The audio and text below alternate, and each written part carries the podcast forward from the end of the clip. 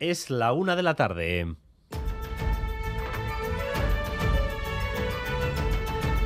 Crónica de Euskadi con Dani Álvarez. A Rachaldeón, el PNV y el PSE van a sacar adelante los presupuestos con la mayor cuantía de la historia en contra de toda la oposición. Ningún grupo se ha acercado a las tesis del gobierno, a pesar de que el consejero de Economía habla de ilusión y de mejora de los servicios públicos.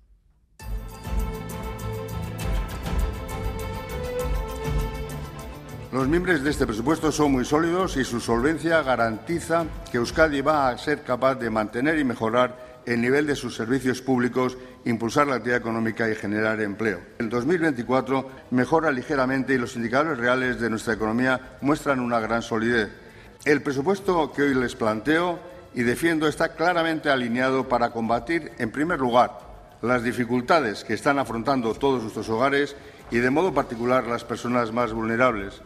A pesar de este cuadro que pinta Azpiazu, la oposición niega con la cabeza y con la palabra en un debate que, por cierto, se va a alargar. José Luis Fonseca. Sí, todo está discurriendo según el guion previsto y va a ser largo, ¿eh? A la espera de la votación y el rechazo de esas enmiendas a la totalidad, cuatro, dada la mayoría de PNV y Partido Socialista de Euskadi en la Cámara. Podemos decir que oposición y gobierno están siguiendo la línea ya marcada a lo largo de la negociación presupuestaria. Unos y otros se acusan de falta de voluntad negociadora, al tiempo que ponen sobre la mesa sus ya conocidas propuestas presupuestarias alternativas. Y quizá lo más novedoso, la puerta que ha abierto el consejero Azpiazu a la aceptación de enmiendas parciales de la oposición por un montante económico de 30 millones de euros. Entre tanto, en la OSI de Donostialdea sigue el plante de los jefes médicos. La concentración diaria se ha repetido hoy.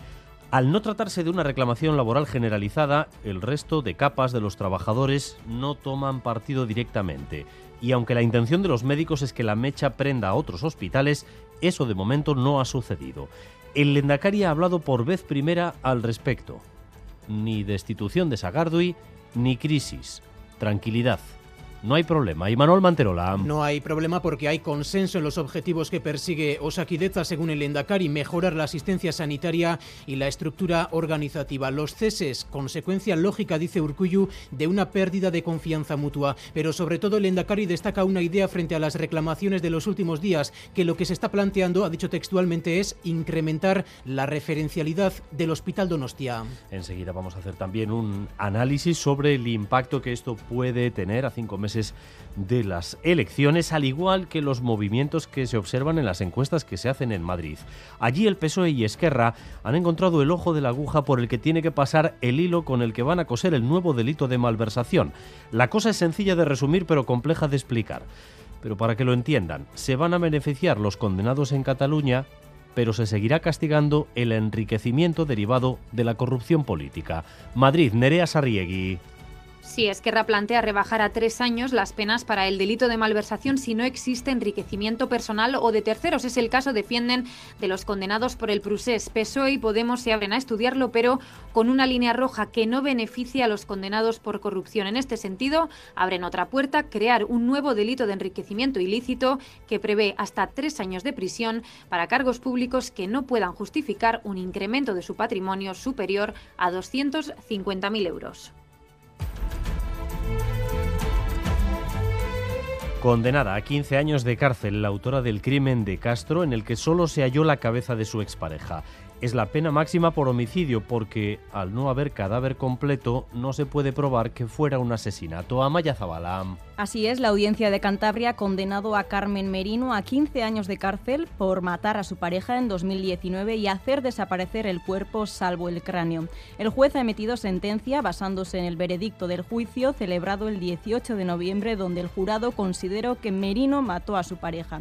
Según la sentencia conocida hoy, es autora de un homicidio con agravante de parentesco por lo que ha sido condenada a 15 años de prisión, es decir, el máximo en un caso de homicidio. El día 15 se celebra el Día Grande de EITB Maratoya con el objetivo, como saben, de recaudar fondos para la investigación de la esclerosis múltiple. Y para calentar motores, este domingo a la una del mediodía, en la Virgen Blanca de Gasteiz nos vamos a mojar y bailaremos bajo la lluvia al ritmo de Euritan Danzan. Antes de la pandemia, 15.000 personas cantaron juntas Lauteyatu. Tres años después, les invitamos a mojarse y a apoyar simbólicamente esta causa. Luis Manuel Martínez, responsable de promoción de EITB. La gente es muy, muy solidaria. Sabemos que se van a animar.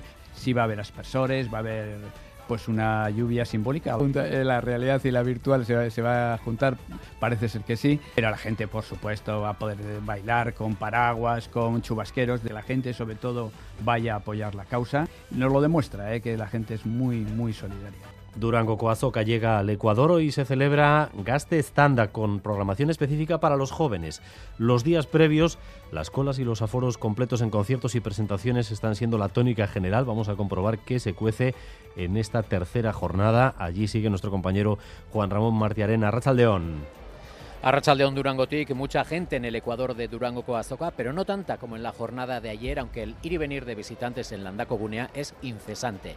Hoy, entre otras cosas, jornada de presentaciones. Por una parte, el videojuego Barraca, obra del diseñador y programador Irundarra Ibaya Izpurua, ganador de la beca de creación del año pasado, es ya una realidad. Se ha presentado hoy y está disponible para poder jugar.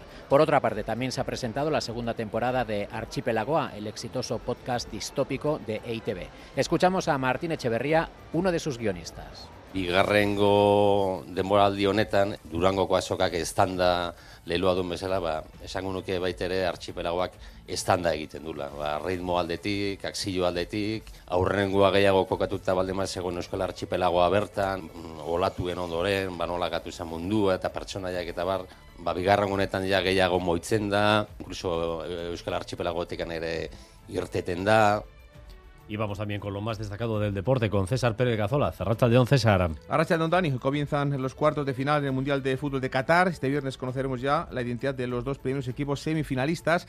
A partir de las 4, Argentina, Países Bajos y para cerrar la jornada de cuartos, Croacia-Brasil.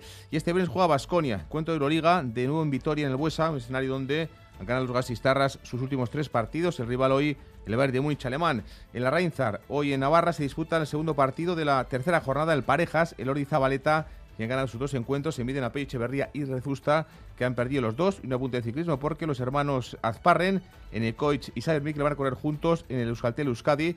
El equipo naranja cierra así una plantilla de 20 corredores para 2023. Y en cuanto al tiempo, regresan las lluvias a partir de esta tarde-noche. Según Euskalmet, serán lluvias generalizadas e intensas. Además, en el interior va a descender la cota de nieve y para mañana se prevé una bajada notable de las temperaturas, temperaturas que ahora mismo no alcanzan apenas los 15 grados en ninguna comarca del país. 14 grados en Donostia, 12 en Bilbao y en Bayona, 11 en Vitoria-Gasteiz y en Pamplona. Gracias un día más por elegir Radio Euskadi y Radio Vitoria para informarse. Así el Iriarte y José Ignacio Revuelta se encargan de la dirección técnica y Aitziber Bilbao de la coordinación.